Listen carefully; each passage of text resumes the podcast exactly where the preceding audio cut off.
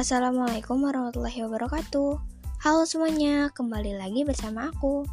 Di podcastku kali ini, aku ingin memberitahu tentang apa saja materi dengan mata pelajaran IPA yang sudah dipelajari.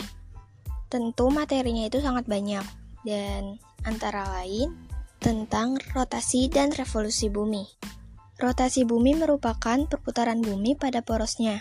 Bumi berotasi ke arah timur atau melawan jarum jam. Untuk melakukan rotasi ini, bumi memerlukan waktu 23 jam 56 menit 3 detik atau 24 jam sekitaran satu hari. Sedangkan revolusi bumi adalah perputaran bumi mengelilingi matahari. Untuk melakukan revolusi ini, bumi memerlukan 365 seperempat hari atau setiap 4 tahun sekali digenapkan menjadi 366 hari. Dampak yang ditimbulkan dari rotasi bumi adalah terjadinya siang dan malam dan adanya perbedaan waktu. Sedangkan dampak dari revolusi bumi adalah dasar penanggalan Masehi atau Syamsiah dan perbedaan musim. Itu saja podcastku kali ini. Terima kasih.